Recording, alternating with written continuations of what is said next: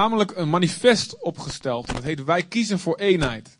En uh, dat kun je volgens mij op de website, die heet zelf wij kiezen voor eenheid.nl, kun je dat nalezen. En het hebben een hele rij geestelijke leiders van, van Nederland, van allerlei groepen, hebben dat ondertekend. En toen hebben ze gezegd, laten we, laten we samen met elkaar gaan komen. Dat is een beetje uit de hand gelopen, een beetje, beetje, beetje doorgegroeid. En uh, afgelopen, um, op uitnodiging van Wilkin, uh, zijn Feiko van Doetinchem, um, van binnenkort Leef Doetinchem en, um, en ik... Uh, uh, ook daar geweest. En uh, ja, ik werd ingedeeld in groepjes. En ik kwam in een, in, een, in een groepje waar je af en toe dan een paar keer samen moest gaan zitten. Met, met, bisschop, met de bisschop dus. En met Hans Esbach van het Evangelisch Werkverband. Met iemand uit de hersteld hervormde kerk. met iemand charismatische Rooms-Katholiek. met een baptist. En met een Syrisch-orthodoxe jongen. Um, en toen gingen we er samen praten om ons geloof en over hoe God ons, wat God in ons leven gedaan heeft. En we hebben samen gebeden. En nou, ik, dat was een van, de, van de meest bijzondere ervaringen van mijn leven, moet ik zeggen. Om te ervaren dat, um, ja, dat stereotype beeld wat we hebben van andere kerken. Dus ja, ik weet niet, weet niet of jullie het allemaal hebben, maar goed. Het hebben we wel eens van elkaar. Dat, um, ja, sommige dingen zijn natuurlijk waar. Sommige dingen die zij over ons geloofden zijn ook waar. Um, maar dat, heel veel, dat er heel veel mensen zijn die echt hetzelfde hart hebben. En die nou, misschien hele andere woorden aangeven. Hè, die bisschop, als we dan elke keer die zaal binnenkwamen waar we de dienst hadden. Die maakte zo'n buiging voor het altaar, weet je wel. En dan die kruisjes die je slaat en al.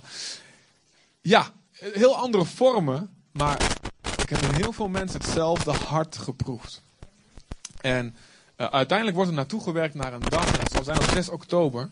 Uh, dat heet een dag van... Um, ja, verootmoediging is een beetje een oud woord. dachten dat we als kerk onszelf eigenlijk gaan vernederen voor God. En um, ook vergeving gaan vragen aan elkaar. Voor um, ja, hoe we elkaar behandeld hebben. Um, de, de, de hoofd van de protestantse kerk heeft bij het 100-jarig bestaan van de Pinksterbeweging, het Olympisch Stadion, een paar jaar geleden, heeft hij vergeving gevraagd namens alle hervormde gereformeerde kerken die uh, in, in het begin van de Pinksterbeweging alle Pinksterchristenen de kerk uitgegooid hebben. En dat ze, we, hebben, we hebben gezegd dat jullie insecten zijn, we hebben gezegd dat jullie uh, gek zijn, jullie stand verloren zijn en al die dingen. En heeft hij officieel vergeving voor gevraagd. En, en toen is Peter Slebos uh, namens de Pinkstergemeente is naar de synode van de PKN weer geweest. En heeft daar ook weer vergeving gevraagd voor ja, dat we hebben gedacht dat jullie, dat jullie, al, dat jullie allemaal dode christenen zijn en dat we jullie hebben veroordeeld. En, um, nou, heel bijzonder. En in dat hart eigenlijk willen alle leiders van. Ja, er zijn niet alle leiders bij, maar de grootste groep van alle christelijke kerken, die doen daarin mee. En die gaan werken samen toe naar zo'n dag, wat echt een markeringsmoment moet zijn. En een, ja, een, uh, ja, een markeringsmoment voor de eenheid die we samen willen gaan zoeken met alle christenen uit alle kerken. Is dat niet mooi? Ik denk een gebedsvoering van heel veel mensen. En uh, nou, op lokaal niveau, uh, ja, hier in Zutphen, uh, kom ik al elke maand samen met eigenlijk ja, leiders uit dezelfde soort kerken. En er zijn heel veel verschillen hè, met, tussen ons en protestanten. En dat ontkennen we ook niet, gaan we ook niet uit de weg. En we hebben het daar ook gewoon over. Maar we zoeken wel elkaars hart. En als je elkaar leert kennen, elkaar gaat vertrouwen, dan heb je ook een basis. Dan kun je praten over die inhoudelijke dingen. En, en ja, van elkaar leren. Dus bid ook daarvoor. Dat hebben we ook elke maand hier in Zutphen. Dus nou, ik wou dat jullie vertellen, dat jullie weten ook ja, dat dit gebeurt. En er ook voor kunnen bidden. En uh, ja, gewoon mee kunnen genieten van wat God doet. Het is wel heel bijzonder. Ja, toch?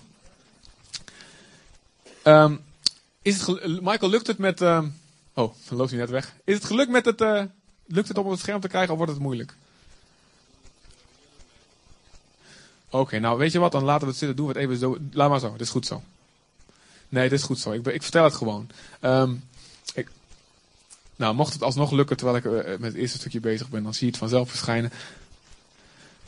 Um, ik, uh, we, zijn, we, zijn, we zijn begonnen met, uh, met het boek Exodus. En ik ben blij dat ik ermee door kan gaan. Want ik heb soms het idee van dat ik dan. nou goed, ik ben blij dat ik ermee door kan gaan. en niet een andere preek van God kreeg. Want dat kan, ja. Um, en het doel is eigenlijk om te laten zien hoe, um, hoe in het Oude Testament Jezus voorkomt. Dat hebben we gedaan met Genesis. En we hebben het vorige keer gehad over de slavernij. Dat God ons uitleidt uit de slavernij. En uh, dat we ook heel vaak. Dat, dat heel vaak gebeurt terwijl we zelf een weerstand hebben om bevrijd te worden. Dat het volk van Israël eigenlijk zoiets had van, joh, we hebben liever ons gemak, we hebben liever ons comfort, we weten wat we hier hebben in Egypte. Ook al is het een slavernij, we krijgen tenminste genoeg te eten en we hebben een relaxe tijd, we hoeven geen oorlogen aan te gaan. En dat wij vaak als, men, dat wij als mensen ook zo in elkaar zitten. Eigenlijk willen we wel vrij worden en we hebben geroepen tot God, God, doe iets aan de ellende, doe iets aan deze situatie, doe iets aan, aan mijn leven of aan de wereldvrede of wat dan ook. We roepen tot God, maar als dan God komt en als zijn manier, de manier waarop hij ons bevrijdt vaak wat ongemakkelijk is of tegen onze, onze, onze favoriete gedachten ingaat, dan hebben we zoiets van, nou, ik blijf liever op de plek waar ik ben, zonder dat ik, dat ik dat, door dat gedoe heen moet gaan, waardoor ik vrij moet worden. En God weet dat en zelfs, je ziet dat in Exodus, zie je zelfs dat, um, dat, dat, dat, God daar zelfs, dat God daar genade voor heeft. Dat God daar doorheen kijkt. Want het volk zei eigenlijk willen we niet, maar God ging gewoon door. Want hij zei, weet je wat, ik zal het laten zien. Ik zal je laten zien hoe krachtig ik ben. En uiteindelijk, na tien plagen, na tien plagen laat de farao het volk gaan. En het volk gaat en dan krijgt na een tijdje farao spijt. Oh, onze beste arbeidskrachten hebben we laten gaan. Onze gastarbeiders hebben we laten gaan. Want uh, Farao was uh, slimmer dan uh, menige politicus in Nederland. Die beweren dat gastarbeiders alleen maar geld kosten. Maar gastarbeiders zijn over het algemeen goed voor je economie. En Farao had dat ook door. Misschien had hij ook wel een website van, weet je wel, alle klachten tegen, tegen de Joden. Kon je daarop indienen. Nou goed. De, de farao kreeg spijt en ging achter ze aan. En God leidde het volk naar een plek. Ik zie, oh, volgens mij staat er iets op. Ah, heel mooi. Probeer wel eventjes nog te blijven opletten terwijl dat er staat. um, God leidde het Israël naar een onmogelijke plek. God leidde het volk naar zo'n plek waarop hij wist dat ze in de problemen zouden komen. Dat ze ingesloten zouden raken. Denk daar maar eens over na. Ze gingen achter God aan. En God koos ervoor ze naar een onmogelijke plek te brengen. En de enige uitweg was een wonder. Een gigantisch wonder. Het sterkste leger van de wereld zit achter je aan. Weet je, Amerika samen met Israël en Japan en weet ik wel die legers. Nee, Japan heeft niet zo'n groot leger. China en zo. Bij elkaar zit achter jou aan en jij bent gewoon een stelletje. Hè, twee en een kwart miljoen waarschijnlijk mensen eh, met vrouwen en kinderen en, en, en dieren en al die dingen. En voor je is een zee waar je niet doorheen kan. Waarschijnlijk niet de Rode Zee, maar de Rietzee of de Schelfzee, een uitloper daarvan. En achter je komt dat leger eraan. En je weet, nou, er is geen weg uit. Soms zit je in je leven en leidt God je naar zo'n plek. En de enige weg, de uitweg is een wonder. En weet je, God doet die wonderen. Als je je bevindt in een onmogelijke situatie, mag je vertrouwen dat God dat heeft toegelaten om een wonder in je leven te doen. Zodat je Hem nog meer gaat vertrouwen en nog meer leert kennen. En dan gaan ze door die Rode Zee. Je kent dat verhaal waarschijnlijk. Er komt een sterke oostenwind. En die, en die, en die maakt een opening in de zee. En het water blijft staan als een muur. Staat er. En het volk gaat er doorheen. En als ze over zijn, dan, gaan, dan gaat het farao met hun legers, die gaan er ook, ook door die zee heen. En, maar die, die wagens van die, strijd, die strijdwagens van de Egypte, die blijven steken in de modder. En datgene wat de kracht was van de vijand, gebruikt God tegen die vijand.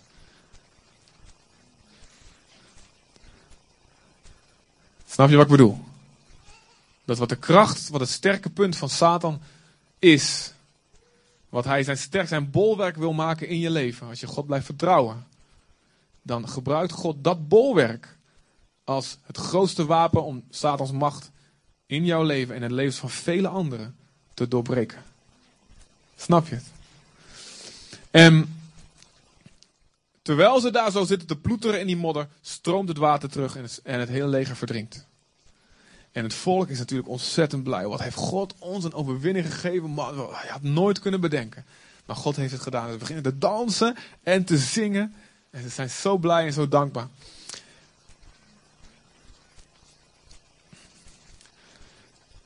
En daarna gaan ze een reis maken. Gaan ze een reis maken naar de berg Sinaï. Nou goed, het hele boek Exodus en Leviticus en Numeri kun je daarover verder lezen. En uiteindelijk in het boek Deuteronomium, het vijfde boek van de Bijbel, dan staat er vlak voor het land Israël en dan houdt Mozes nog een toespraak. Vlak om, voor, ja, dan herhaalt hij de wet nog eens een keer voor ze. Ik wil eventjes een paar dingen um, van tevoren even um, laten zien. Oh, hij is weg. um, bij de tiende plaag moesten de, uh, de Joden een lam slachten. Vanaf de tiende dag van de maand moesten ze een lam bij zich hebben. En dan de veertiende dag van de eerste maand, um, nou wat vanaf dan de eerste maand zou zijn voor de Joden. Op de veertiende dag, de veertiende Nissan, zo heette die maand. Hè, niks te maken met Mitsubishi of Daihatsu, hè, maar zo heet die maand. Veertiende Nissan om drie uur s middags, letterlijk staat er tussen de twee avonden. Om drie uur s middags moest er een lam geslacht worden. En de, het bloed van het lam moest boven de deurpost gestreken worden. En de tiende, plaag was zo dat een verderfengel door het hele land Egypte zou gaan en elke eerstgeborene zou doden. En dan staat er, als ik het, als ik het bloed van het, het lam zie boven de deur, zal ik daar, zal ik daar de verderfengel aan voorbij laten gaan. Alleen de, die huizen waar het bloed van het lam boven de ingang was, alleen daar was er, was, kwam die plaag niet langs, niet bezoeken. Overal van hoog tot laag, van de slaaf tot aan de farao, ze verloren hun eerstgeboren zoon. Behalve daar waar het bloed van het lam was toegepast. Is in Exodus 12, vers 13 kun je het lezen. Jezus zegt, niemand komt tot de Vader dan door mij. Handelingen zegt, er is geen andere naam onder de hemel die genoemd wordt, waardoor mensen gered kunnen worden dan de naam van Jezus. Jezus zegt, ik ben de deur. En in openbaring staat zelfs als, iemand, als, als het blijkt dat iemands naam niet geschreven staat in het boek van het leven, dan zal hij gegooid worden in, de, in een poel van vuur en zwavel. Jezus is de enige naam waardoor mensen gered kunnen worden. Misschien gesneden koek voor je, misschien helemaal nieuw. Maar het is duidelijk dat we hierin, het is, het is belangrijk dat we hierin duidelijk zijn. En dat we ook weten waarom dit zo is. God wil dat we snappen waarom het zo is. Nou, als je hier regelmatig komt, dan denk ik dat je het snapt.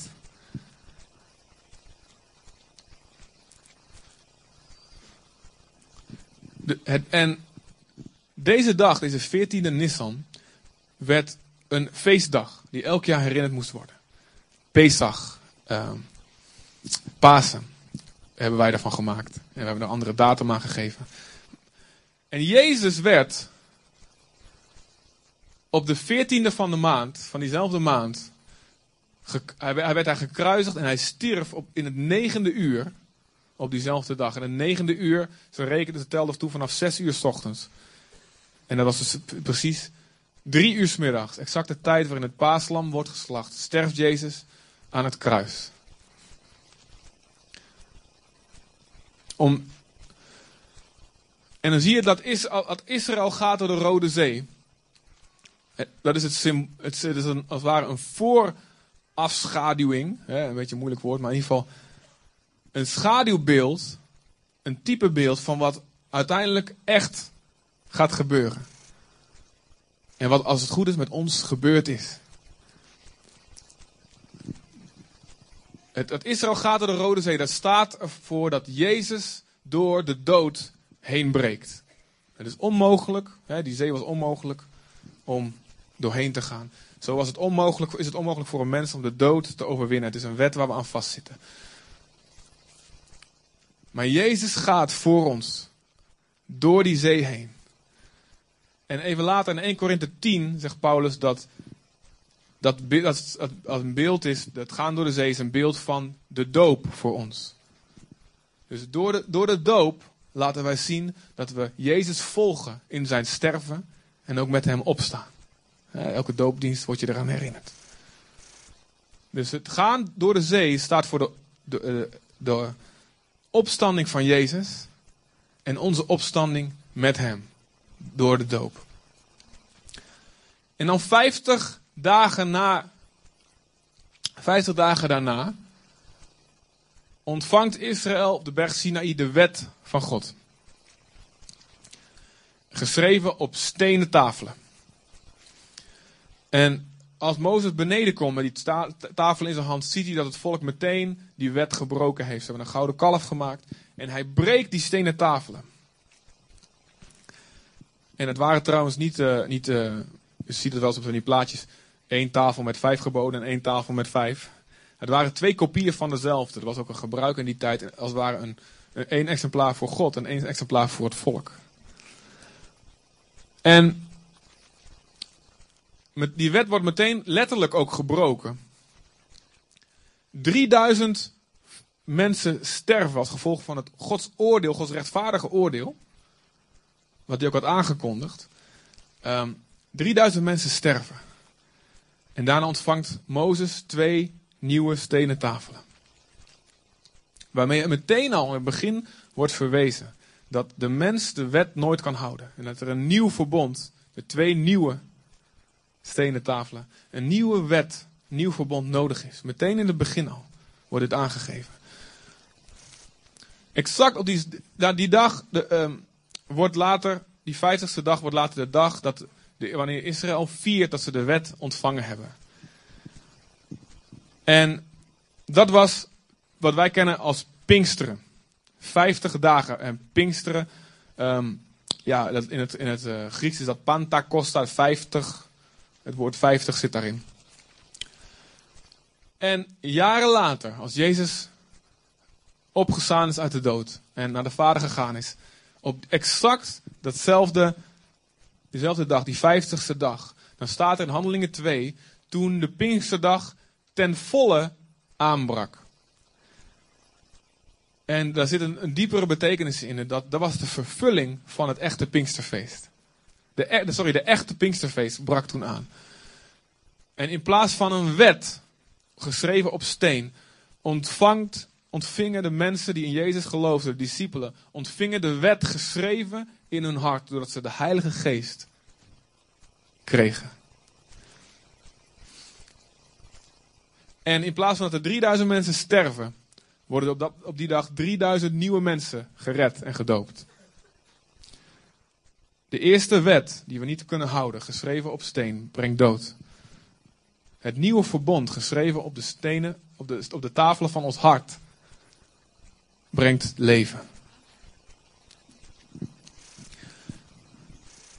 En daar wil ik het met jullie over hebben. Um, als je. Um, misschien, uh, uh, Michael, ik, uh, ik, applaus voor Michael, hij doet zo echt hartstikke goed werk daarachterin. Um, als je in de Bijbeltekst kan opzoeken, Jeremia 31, vers 31 tot 34 in een nieuwe Bijbelvertaling. En terwijl hij dat opzoekt, staan jullie even op en geef je even mensen om je heen even een hand. Zeg even hallo, goedemorgen, hoe gaat het met jullie? Hebben we nog niet gedaan vandaag. Het is een goede gewoonte om het wel te doen. Een traditie, zo je het wil.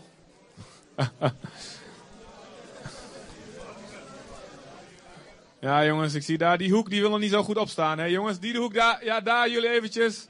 Even schud even wat handen. Ja, doe maar jongens. Brian, Willem, ja, Freda, kom maar. Ik zat net zo lekker. Ja.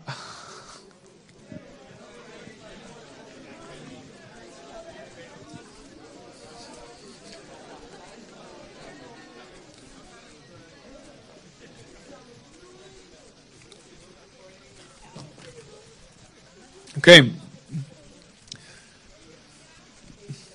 Jeremia 31, vers 31 tot 34.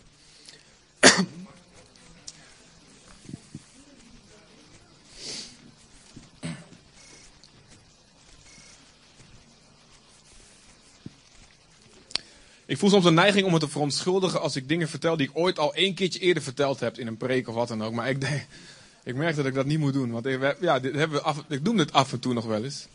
Weet je dat nog? 5 november 2006? Dat is geweldig. Oh, dat staat een, in je Bijbel geschreven gewoon. Oei, gaat het lukken? Lukt dit achterin om te lezen? Ja?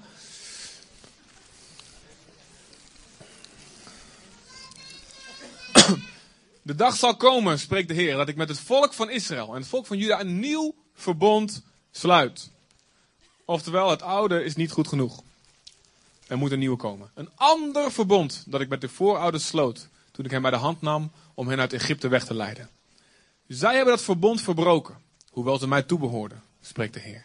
Maar dit is het verbond dat ik in de toekomst met Israël zal sluiten. Ik zal mijn wet in hun binnenste leggen en hem in hun hart schrijven.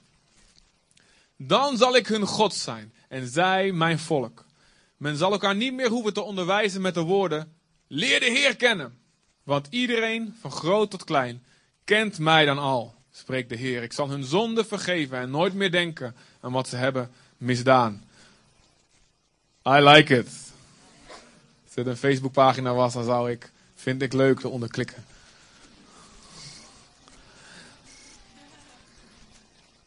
Niemand hoeft elkaar meer op te jutten en te zeggen: Ken alsjeblieft de Heer. Want ze zullen allemaal mij kennen. Dit is Gods doel voor ons leven.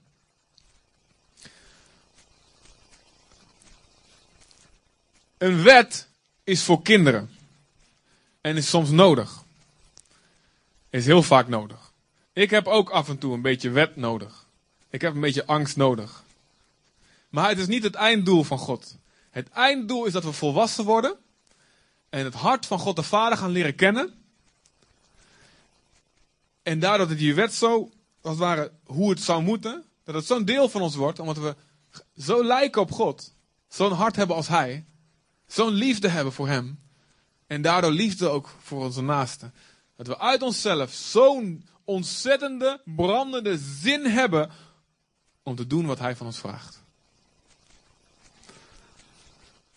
Een wet, regeltjes, zijn voor mensen die het volwassen zijn nog niet aankunnen.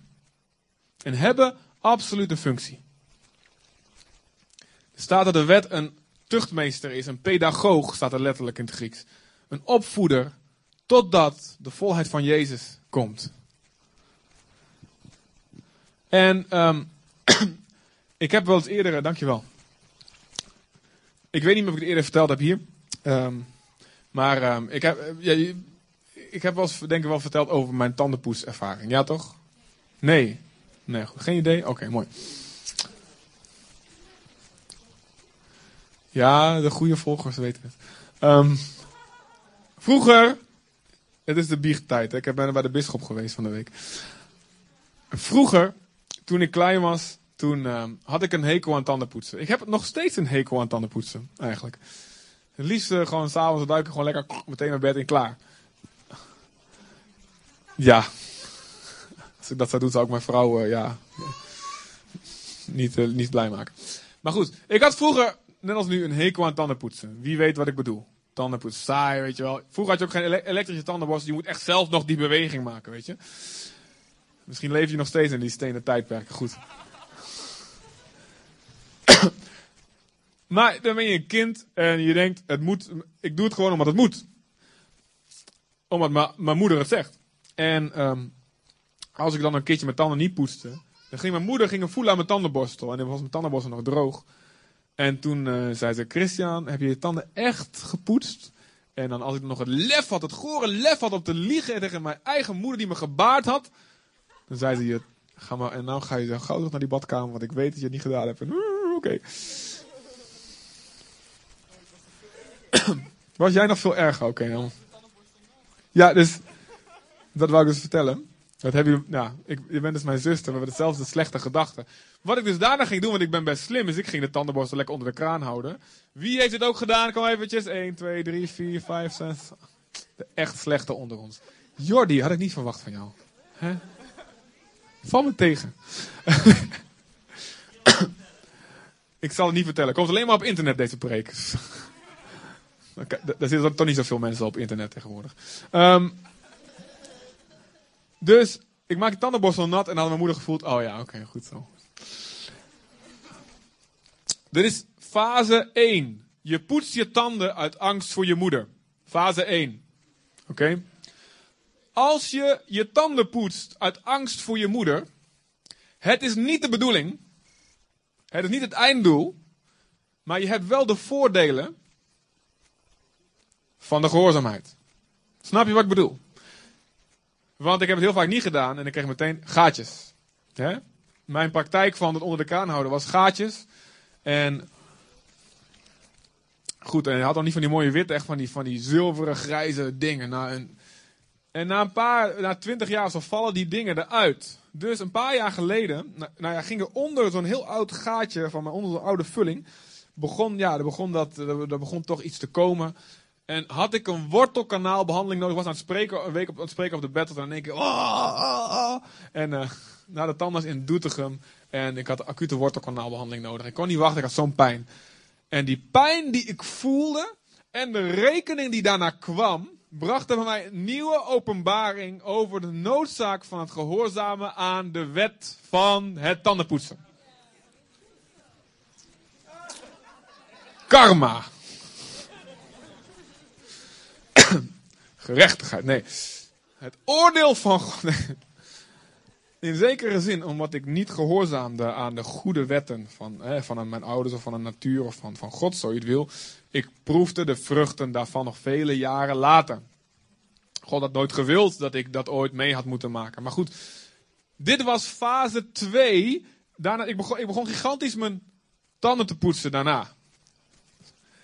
En ook niet meer s ochtends even overslaan even snel. En uh, een elektrische tandenborstel gekocht, maar dat is geen beter te zijn. Al die dingen.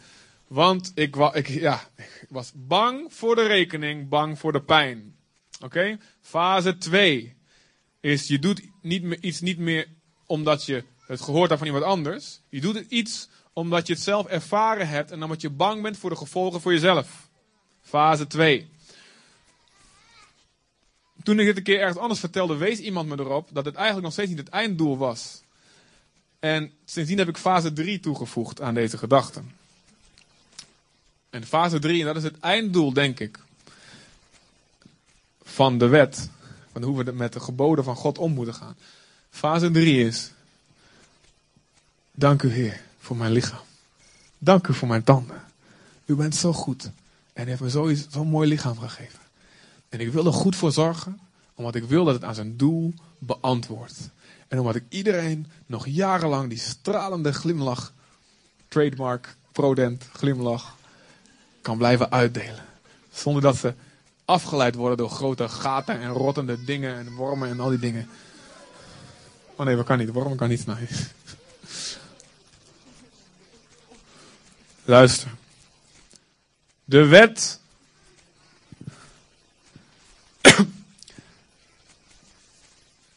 Sommige mensen, je doet wat God zegt.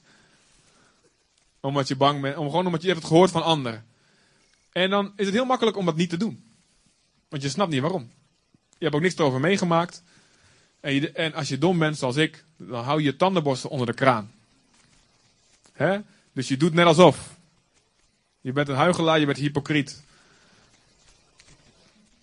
Of je doet het wel, en je weet niet waarom. Je weet niet waarom je het doet, maar je doet het maar gewoon. Hè? Of omdat je bang bent voor de reacties van mensen om je heen. Fase 2. Je hebt in je leven al wat meegemaakt. En je weet wat het is als je bepaalde dingen.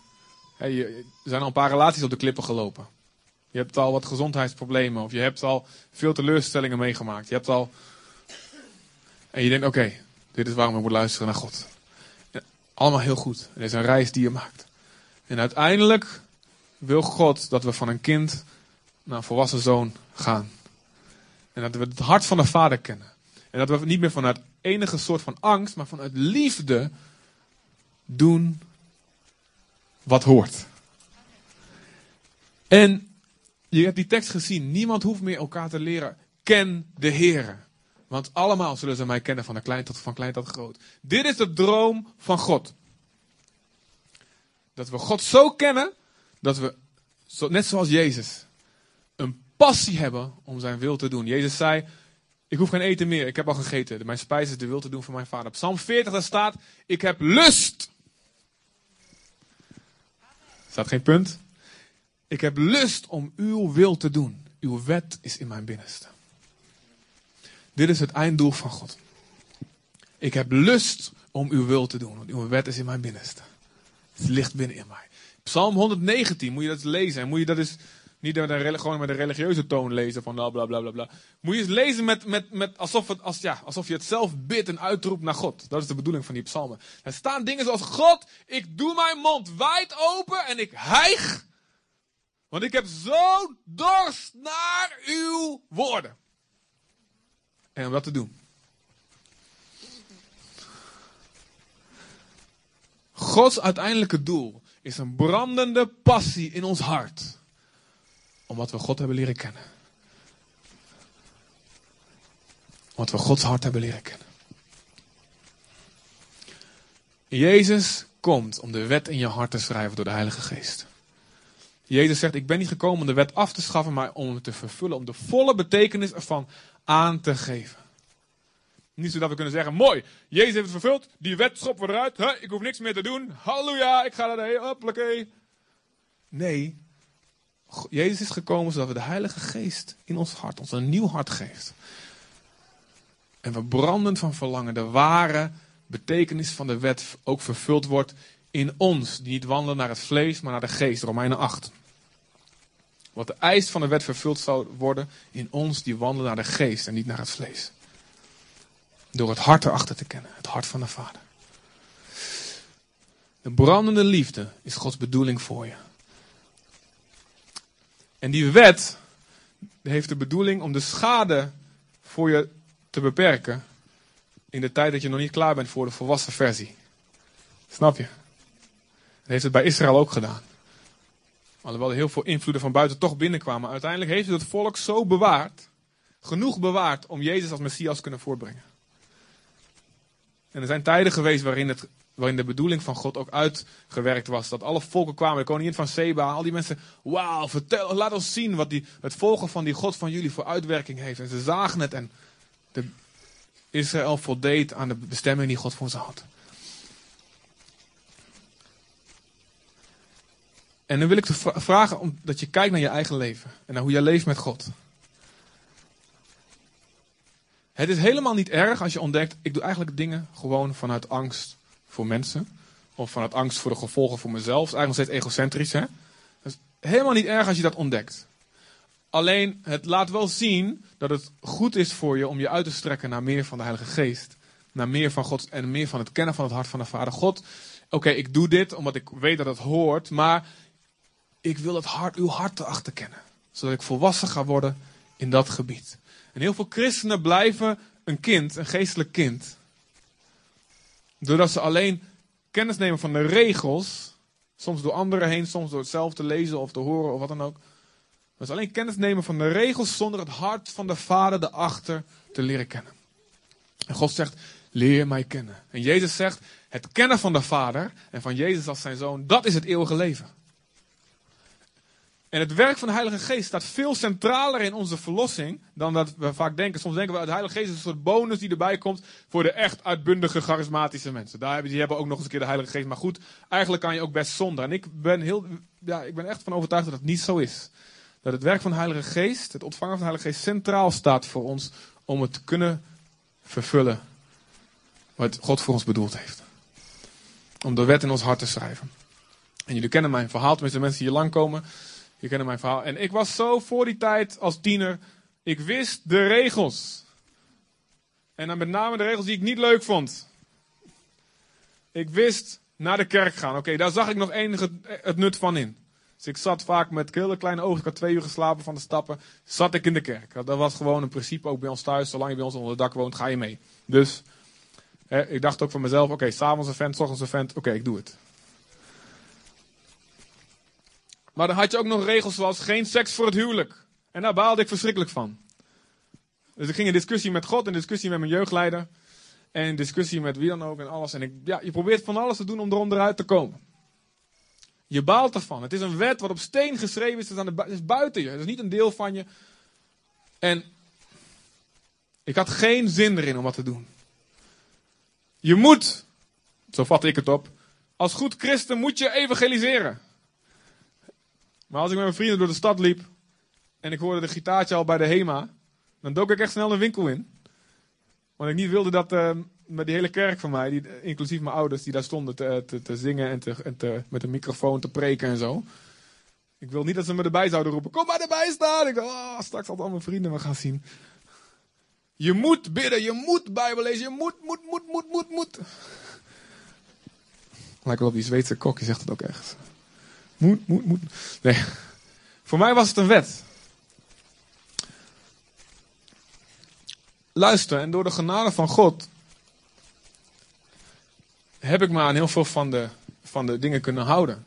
De genade van God lag niet aan mij, maar de genade van God heb ik mijn rein kunnen bewaren tot het huwelijk. Maar het lag absoluut niet aan mij. Maar ik heb wel de voordelen daarvan geproefd. De voordelen daarvan gehad. Ondanks dat ik het deed uit verkeerde motieven. Maar toen ik Jezus ontmoette, om 18 jaar geleden, toen ik echt um, wist dat het kruis van Jezus niet alleen voor die andere mensen was, maar dat het voor mij nodig was. Toen ik echt snapte hoezeer ik de hel verdiende en hoe groot de genade van God was voor mijn leven. Toen kreeg ik zo'n liefde voor Jezus. Zo'n passie. En wat er gebeurde, de Heilige Geest vernieuwde mijn hart, gaf me een nieuw hart en waarin de wet op was geschreven. En niemand hoefde mij meer te zeggen, ken de Heer. Want ik kende God. En dat ging echt niet in één keer. Ik moest, sommige dingen moest je ook nog groeien en snapte ik nog steeds niet. Maar ik, ik, door het hart van de Vader te kennen, wist ik in één keer dat ik anders met mijn lichaam moest omgaan. Dat ik anders met, met, met, met vrouwen moest omgaan. Dat ik anders met mijn woorden moest omgaan. Omdat ik het hart van de Vader kende. Had ik een verlang. Niemand hoefde mij te vertellen, alsjeblieft lees nou een keer je Bijbel. Want ik had een honger naar God. Ik heb een honger naar God. Ik wil hem leren kennen. Oh, wauw. En dit is het belangrijkste. Eh, dit, als hij, als, als er, ik weet nu dat God echt bestaat. En als, er, als hij ons een boven natuurlijk boek gegeven heeft. Jongen, kom op. Ik vreet het op. Ik wil alles weten. Als hij, als ik weet nou dat hij bestaat. Ik weet dat hij van me houdt. Dus weet ik dat hij luistert als ik bid. En dat hij dingen doet als ik bid. Dus ik ga bidden. Ik weet dat ik, ik weet dat ik naar de hel ga zonder Jezus. Dat ik het bloed boven mijn deurpost nodig heb om aan de plaag te ontsnappen. Dus dat betekent al mijn vrienden net zo goed. Dus ik, ik kan niet anders dan ze, te, dan ze te vertellen. En die passie wordt groter dan mijn angst voor hun reactie. En zo wordt de wet in je binnenste geschreven. De vraag voor ons is: moet iemand nog aan jou vertellen? Lees je Bijbel. Of heb je er zelf zin in? Nogmaals, het is niet erg als je ontdekt, eigenlijk is het nog best wel een wet voor me. Het is niet erg. Maar stel jezelf wel de vraag en wees eerlijk. Moet iemand jou nog vertellen? Alsjeblieft, bid. Moet iemand je nog vertellen? Vertel aan anderen over Jezus. Is je angst voor mensen nog groter dan je passie? Moet iemand je nog vertellen? Zorg goed voor je familie, man. Zorg goed voor je vrouw, voor je kinderen. Vrouw, zorg goed voor je man. Moet iemand die dat nog erin dreunen? Heb je nog angst voor straf nodig? Het is niet erg, maar God wil dat de liefde, zijn liefde in jou zo, zoveel groeit nog. Dat zijn geest je zo vervult, dat je wet zo in je hart geschreven wordt. Dat niemand je dat meer eigenlijk hoeft te vertellen. Dat je anderen kan meenemen. Moet mensen nog jou nog vertellen? Joh, Wees eerlijk hoe je omgaat met je geld. Wees eerlijk in je spreken. Wees trouw in je huwelijk, in je relatie. Wees trouw in je vriendschappen. Als je een oproep hoort, geef geld voor het werk van God. Of geef geld aan de armen. Wat voel je dan?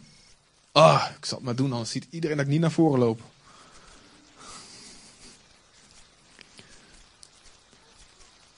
Of zit er een passie in je hart? Waar, weet je, de, bij de apostelen, die werden gewoon ingebouwd hè, door, de, door de rest van de discipelen. Die werden gewoon ingebouwd met spullen die naar voren gebracht werden. Mensen verkochten hun huis en, en kochten dan een kleiner huis. En het verschil, zeiden ze hier alsjeblieft. En, en, en spullen, weet ik veel wat. En ik, die mensen werden gewoon elke, el- ja, elke zondag. Ja, zag je die Petrus helemaal. Die moest je over al die, die spullen klimmen die ingeleverd werden. En er was geen wet. Ze zei niet, als je christen wordt, moet je per se alles verkopen. Nee, dat deden mensen vrijwillig. Maar moet bij jou het geld uit je hand getrokken, getrokken worden? En zelfs onder, het oude verbond, toen er voor de tabernakel gegeven werd, staat er dat het volk moest op een gegeven moment moest, moest weerhouden worden om nog meer te geven. Want er was veel te veel. Stop alsjeblieft met geven. Snap je het hart van God erachter? Snap je waarom het belangrijk is? Moeten mensen jou nog vertellen? Alsjeblieft, doe iets voor God. Dien ergens mee. In de maatschappij of in de gemeente, maar dien hem. Wees altijd overvloedig in het werk van de Heer. Van 1 Korinthe 16. Moet iemand je daar nog vertellen? 1 Korinthe 15, sorry. Of brandt het in je hart al om het te doen? Het is veel beter mensen die je moet tegenhouden. Als ze een beetje te veel voor de Heer doen. Dan mensen die, die niet vooruit te branden zijn, die erbij gesleept moeten worden. Nogmaals, het is niet erg als je ontdekt, ja, eigenlijk is dat zo. Maar wees dan wel eerlijk en zeg, Heer, leer me uw hart kennen. Leer me meer uw hart kennen. Moet je nog de opdracht krijgen om, hef je handen op om God te aanbidden. Luister, ik heb het niet over als, als jij beter zit en gewoon dan beter op God kan focussen. Dat is, dat is helemaal goed. Maar hoe is het met je verlangen om hem te prijzen, hem te aanbidden, van hem te houden? Hoe is het daarmee? Is het een wet voor je? Of zit het in je binnenste?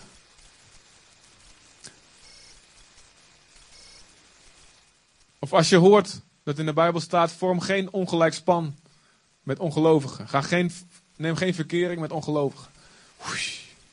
Snap je het hart van God erachter? Als er gezegd wordt: heb geen seks voordat je getrouwd bent. Snap je het hart van God erachter? Als je hoort dat in de Bijbel staat: verzuim je samenkomsten niet. En dat des te meer naarmate dat je de dag van Jezus terugkomst ziet, dichterbij ziet komen. Maar moedig elkaar dagelijks aan. Als je dat hoort, denk je van ja, pol, allemaal wet. Of snap je het hart van God erachter waarom het nodig is? Waarom jij het niet kan missen en waarom anderen jou niet kunnen missen?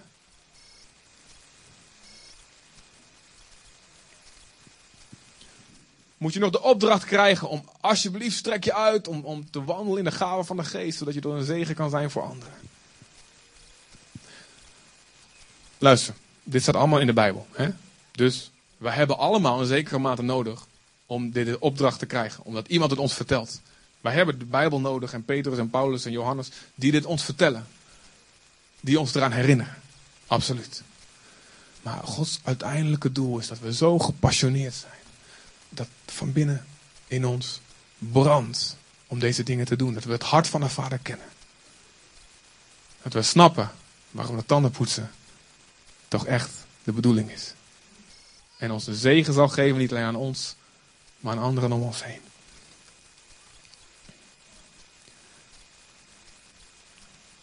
En opwekking, echte opwekking, is dit. Echte opwekking is dat mensen niet kunnen wachten met God aanbidding, God te aanbidden. Maar dat we hier niet vermoedend om half tien of al aankomen. Dat de mensen hier staan. Kom op, weet je wel, schiet op. We gaan je helpen snel die muziek klaar te zetten. Dan kunnen we samen. Oh, En dan begin je gewoon kwart voor tien. Ik was in Nicaragua en joh, ik dacht, ja, er stond op een blaadje stond. Tien uur begint die dienst. Dus ik ga naar die, kerk toe. Ik denk met mijn Hollandse mindset. Ik denk ik kom vijf voor tien of tien voor tien. En waren ze gewoon al bezig. Ze waren halverwege de dienst al. Ik dacht, heel wat raar staat op tien, tien uur. Ja, wij beginnen gewoon als de mensen zijn. En de mensen komen zo vroeg. En Ah, en die hoefde, die daar niet te zeggen, mensen, hef je handen op. Die mensen die. Ik ben wel weggeblazen door het geluid van die mensen. Niemand hoefde die mensen te vertellen. Doe nou eens een keertje mee met aanbidding. Het zal branden in hun hart. Ik zeg niet dat ze daar perfect zijn. Er zijn ook dingen die mis zijn. Maar goed, dit is opwekking. Dat je het hart van de Vader kent. En dat je door de geest, vanuit die liefde, zo'n zin hebt om te doen wat hij wil.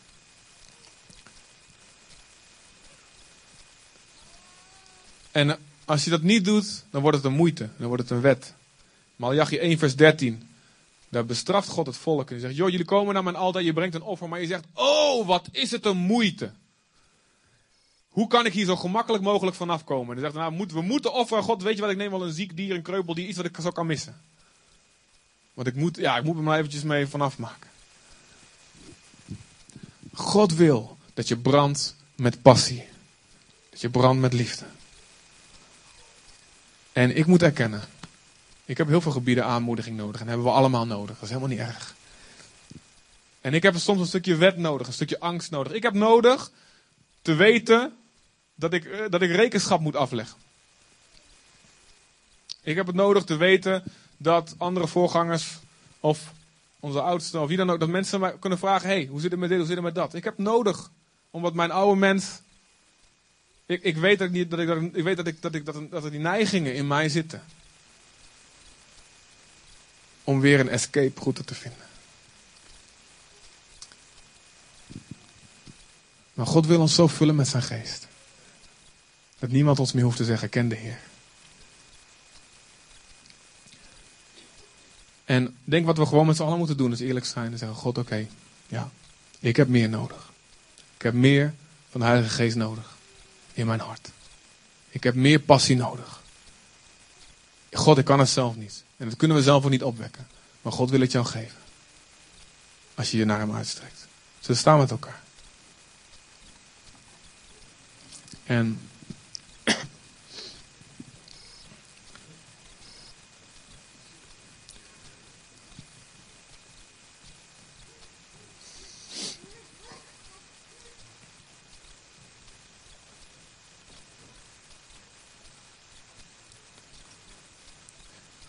En de muziek mag gaan spelen als je klaar bent, begin maar.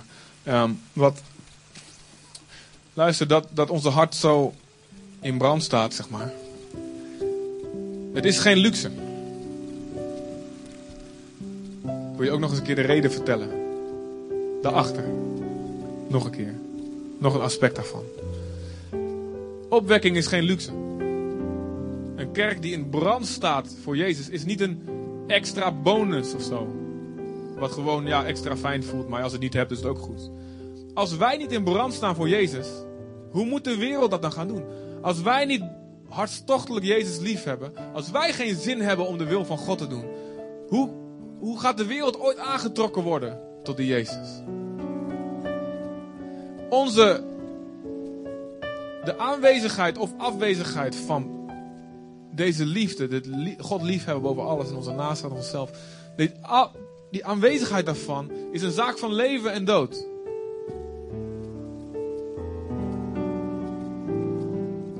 Als we God met blijdschap dienen en doen wat hij zegt op de manier, de volwassen manier zoals hij dat bedoeld heeft.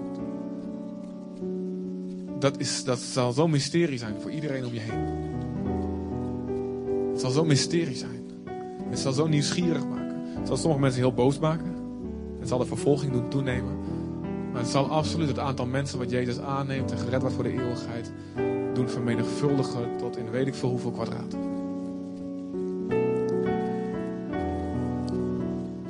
Jacob werkte zeven jaar voor Rachel. En het die zeven jaar waren voor hem maar enkele dagen, omdat hij zo gek op haar was. Kan mij die zeven jaar nou schelen? Ik ben stapel Laten alle dingen die we moeten doen. Laten ze als niks worden. Laten het als een klein offertje worden. Als maar een paar muntjes. Als maar een paar druppeltjes energie. Omdat we zo verliefd worden op Jezus. En als je dat niet hebt. Het enige wat je moet doen is. Je moet het vragen. Als je het nog niet wil. Maar je wil het wel willen. Dan is dat genoeg. Dan kun je dat vragen aan God. God, ik wil het nu nog niet. Ik voel die wil helemaal niet, maar ik wil het wel willen. Heel simpel. Alleen je moet eerlijk zijn. niet zo stoer doen en zo trots doen en zeggen van ja, is het wel goed zo. Nee. Nee, het is niet genoeg. Als het helemaal goed zou zitten, dan zouden we duizenden mensen meer bij Jezus brengen. Het kan alleen als we gaan afstappen van die angst we gaan groeien van fase 1, fase 2 naar fase 3. Brandende liefde voor Jezus. Zullen we ons uitstrekken naar Hem? Ja, doe maar op de manier zoals je het wil. Ik ga je dus geen opdracht geven. Hef je handen op. Dan moet je allemaal doen wat je zelf wil. Maar strek je uit naar Hem en zeg: Heer, Heer. Alle dingen, God, Heer, die nog voor mij een wet zijn. Vader, laat me uw hart zien. Laat me uw hart zien. Ik dank u wel. We danken u, God, dat u ons vertelt wat te doen. En we danken u dat. We danken dat we hier zijn. Misschien ben je hier vandaag gewoon met, met, uit angst. Of misschien denk je dat God je straft omdat je niet in de kerk komt. Of wat dan ook. Hoe dan ook, je bent er. En je hebt het voordeel dat je er bent, dat je dit niet hoort. Maar het einddoel van God is dat je het hart erachter gaat snappen. Strek je uit naar God. Strek je uit. Zeg, Heere, maak mijn hart opnieuw levend. Schrijf de wet opnieuw op mijn hart. En zeg aan God wat je wil. Zeg aan God dat je meer passie wil. In Jezus' naam verbreek ik elke macht van trots die je, die, die van wil, houden wil.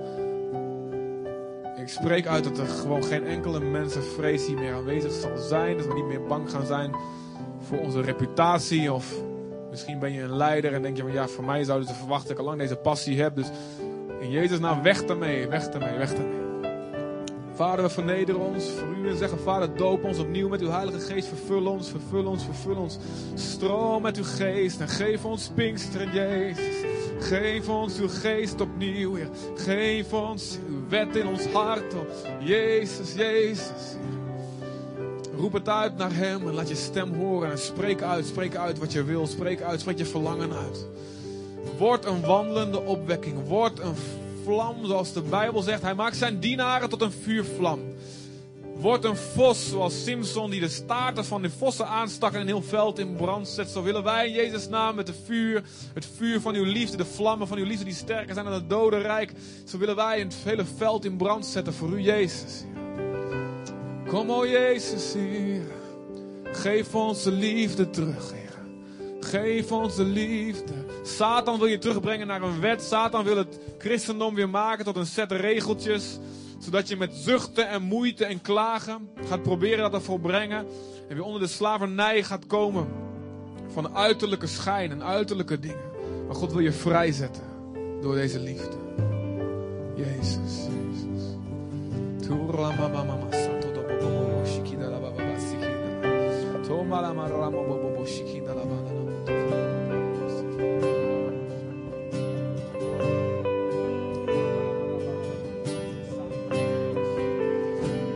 Spreek uit in Jezus' naam. Meer liefde, meer liefde, meer liefde, meer liefde, meer liefde, meer liefde. Jezus toon ons het hart van de Vader. Het hart van de Vader. In Jezus' naam dat de geest van religie, van wetticisme gebroken wordt in de naam van Jezus. Elke lering van demonen in Jezus' naam, Vader, ontmaskerd in onze gedachten, Vader. En maak ons brandende fakkels voor u, God. Geef ons passie, Vader. Laat onze cultuur van gereserveerdheid afleggen in de naam van Jezus, Vader. Kom, o God. Alles is voor u, o. Alles is voor u, o. Jezus, steek ons aan, o God. Vul ons met uw geest.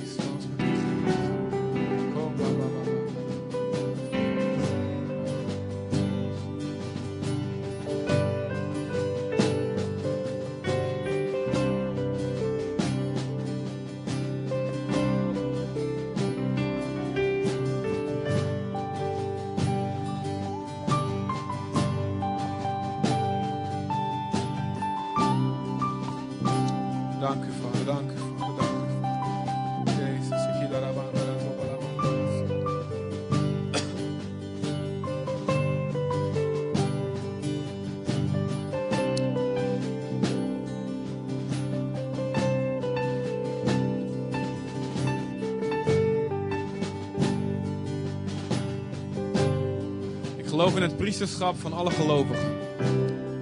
ik geloof dat iedereen die hier die de, de Heilige Geest ontvangen heeft, kan bidden voor iemand anders. Om wat ook te ontvangen. En ik geloof dat God onze zwakheid heen wil werken. En dat het geen elite club is van christenen die, alle, die de, die show mogen doen. En de rest die mag toekijken. Dus ik wil je vragen. Als jij zegt, heb de Heilige Geest nodig om de wet in mijn hart te schrijven, op wat voor gebied dan ook. Dan wil ik je vragen om in het gangpad te komen staan. Kom even uit je rij. Ga in het gangpad staan, gewoon waar je bent. En dan wil ik vragen aan alle mensen daaromheen. Als er mensen omheen staan die zelf niet dat gebed willen hebben, ga bidden voor die persoon. Ga bidden voor die persoon die bij je in de buurt staat. Dus stap maar als je zegt ik wil gebed, stap maar het gangpad in. Als het veel te veel is, nou ja, dan verzinnen we wel een andere oplossing. En dan gaan we bidden voor elkaar. Het laatste wat je nu nodig hebt is trots.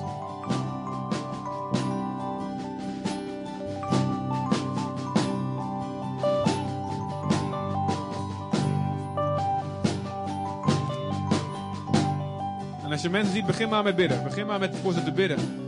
En als ze nog niet de Heilige Geest nog nooit ervaren hebben, bid voor de doop en de Heilige Geest. Dat er iets gebeurt. En de Heilige Geest komt. Als de Heilige Geest komt, dan merk je het. Dan heb je geen twijfel. Je merkt. Er komt iets naar buiten vanuit je mond. Dan begint God te aanbidden. Of je begint in tongen te spreken. Of te profiteren. Of je voelt wat. Geval, je weet het. Dat het gebeurt, dan weet je het. Dus begin maar met bidden voor elkaar. Overal door de hele zaal heen verspreid. Begin met bidden voor elkaar. In de naam van Jezus. Vader, kom met uw geest. Kom met uw geest. Kom met uw geest, Vader. U heeft beloofd dat u ons levend maakt. U heeft beloofd dat u ons levend maakt. En de rest ga niet toekijken, maar bid mee. In Jezus' naam, bid. Je-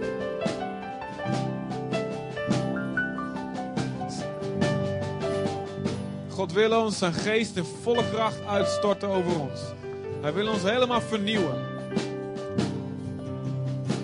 En hij wil dat we het samen vragen en samen daarna verlangen.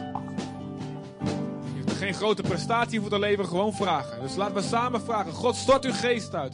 Op deze mensen, over onszelf. Laten we, laat iedereen gewoon bidden in deze zaal. Laten we samen God aanroepen. Heere God, kom met meer van uw geest over ons, Vader. Maak ons levend, Heer. Maak ons levend, Heer. Maak ons levend. Maak ons volwassen in Jezus' naam. Maak ons volwassen, door uw hart te kennen. Geef uw geest, Heer. Doop mensen in uw Heilige Geest op dit moment. Doop mensen in uw Heilige Geest. Doop ze in uw geest. Dank u wel, Vader. We geloven nu dat als u zegt, Heer, als je bidt om de geest, ik zal je geen steen geven om een slang geven, ik geef je wat je, wat je vraagt.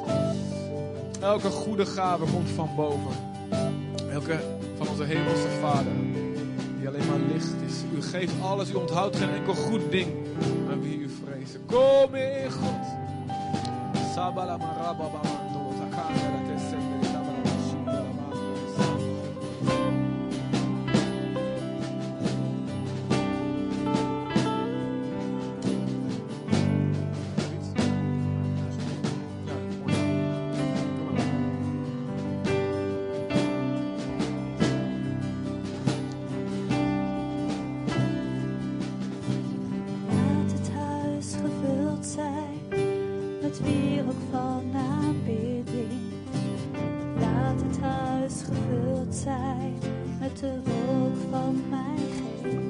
623.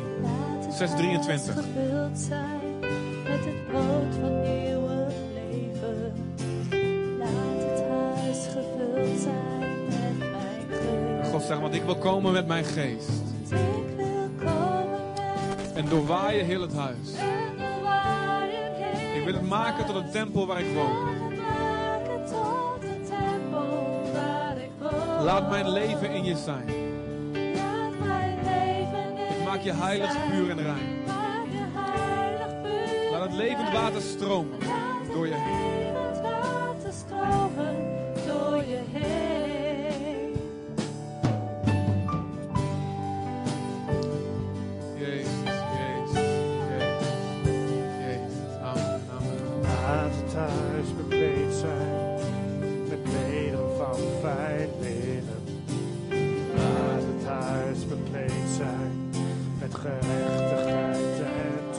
o Jezus, kom o Jezus. Laat het huis gekleurd zijn door het bloed van uw zoon Jezus. Laat het huis gereinigd U wilt komen met uw geest, Jezus. U wilt komen met uw geest en doorwaaien in het huis. U wilt hem maken tot een tempel waar u woont. Laat uw leven ons heilig, puur en rein. Laat het levend water stromen door ons heen. Heer, wij U roepen wilt tot u. komen met uw geest. U wilt komen met de geest en doorwaaien heel het huis. Kom en maak het tot een tempel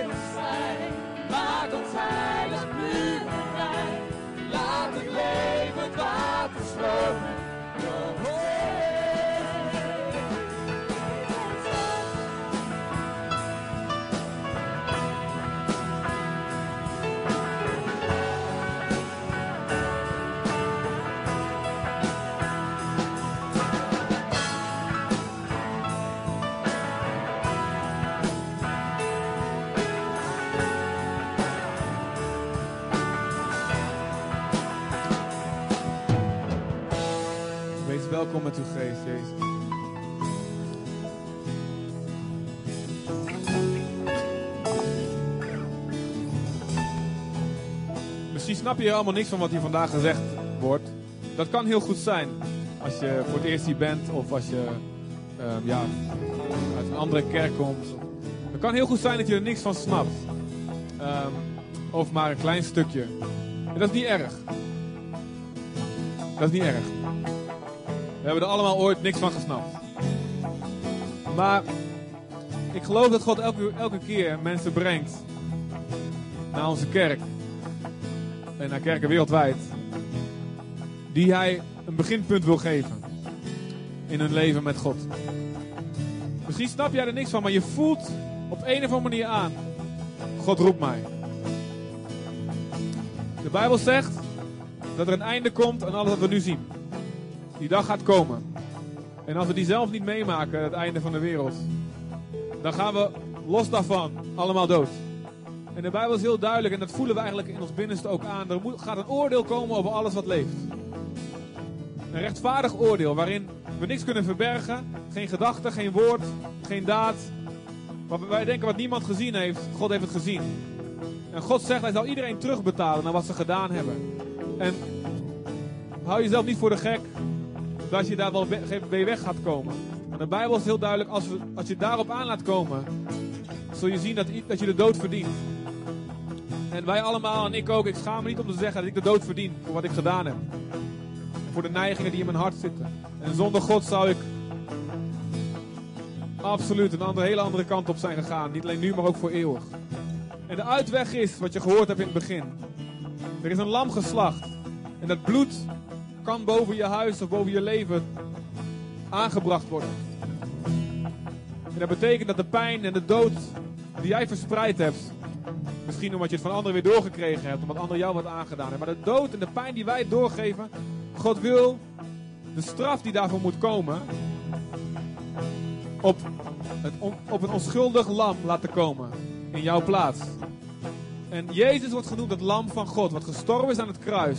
En daar gaf, hij, gaf daar zijn leven in plaats van jouw leven. Als jij dat gelooft en als je dat aanneemt, zal, als dat oordeel over de wereld komt, of als, of als je na je dood voor God komt te staan, het oordeel aan jou voorbij gaan. Net zoals bij de Israëlieten, de verderfengel aan het huis voorbij zou gaan als je het bloed zag. Als jij dat nog niet hebt gedaan, als jij nog niet Jezus bloed in plaats van jouw bloed hebt gevraagd, dan kun je vandaag gered worden, zoals we dat noemen. Dat betekent gered van het oordeel wat gaat komen. En als je dat doet, geeft God je ook een nieuw hart. En de dingen die je niet snapt, De Bijbel zegt dat een mens zonder God kan de dingen van God niet verstaan. Die kan de geestelijke dingen niet begrijpen. Maar als je komt en als je je afkeert van je oude leven en Jezus aanneemt, dan wil God jou een nieuw hart geven. Een nieuwe geest ook. Waardoor je gaat begrijpen de dingen van God stap voor stap. Echt niet alles in één keer gewoon in het tempo wat jij aan kan. Als jij dat wil doen vandaag, dan wil ik nu de gelegenheid daarvoor geven. Om te zeggen, ja, ik wil vandaag Jezus aannemen in mijn leven. En een nieuw leven beginnen. Nogmaals, je hoeft er niks van te snappen.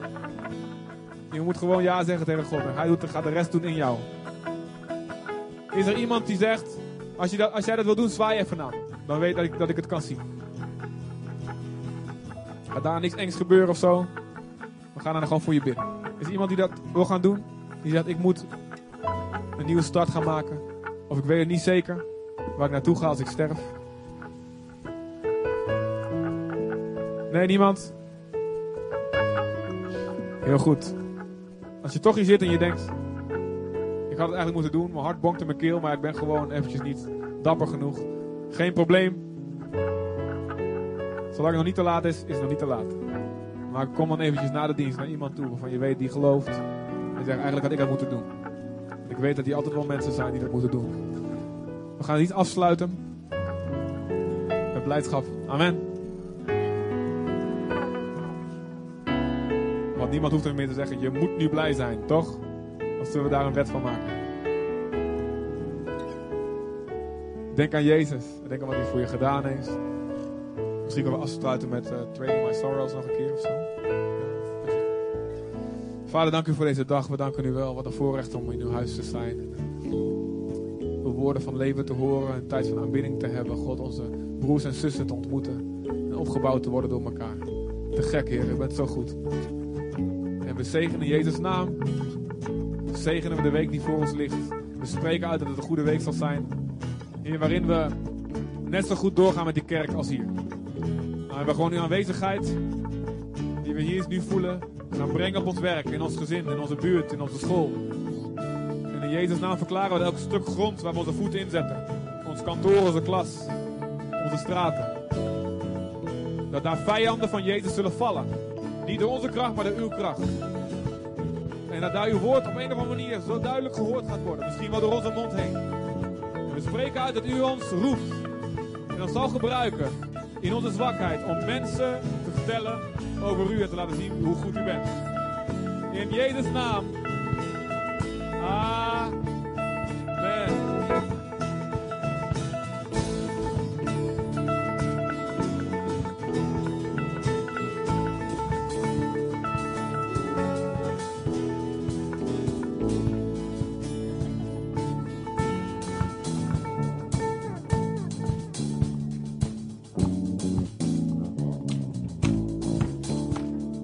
Kunnen we nog een beetje klappen?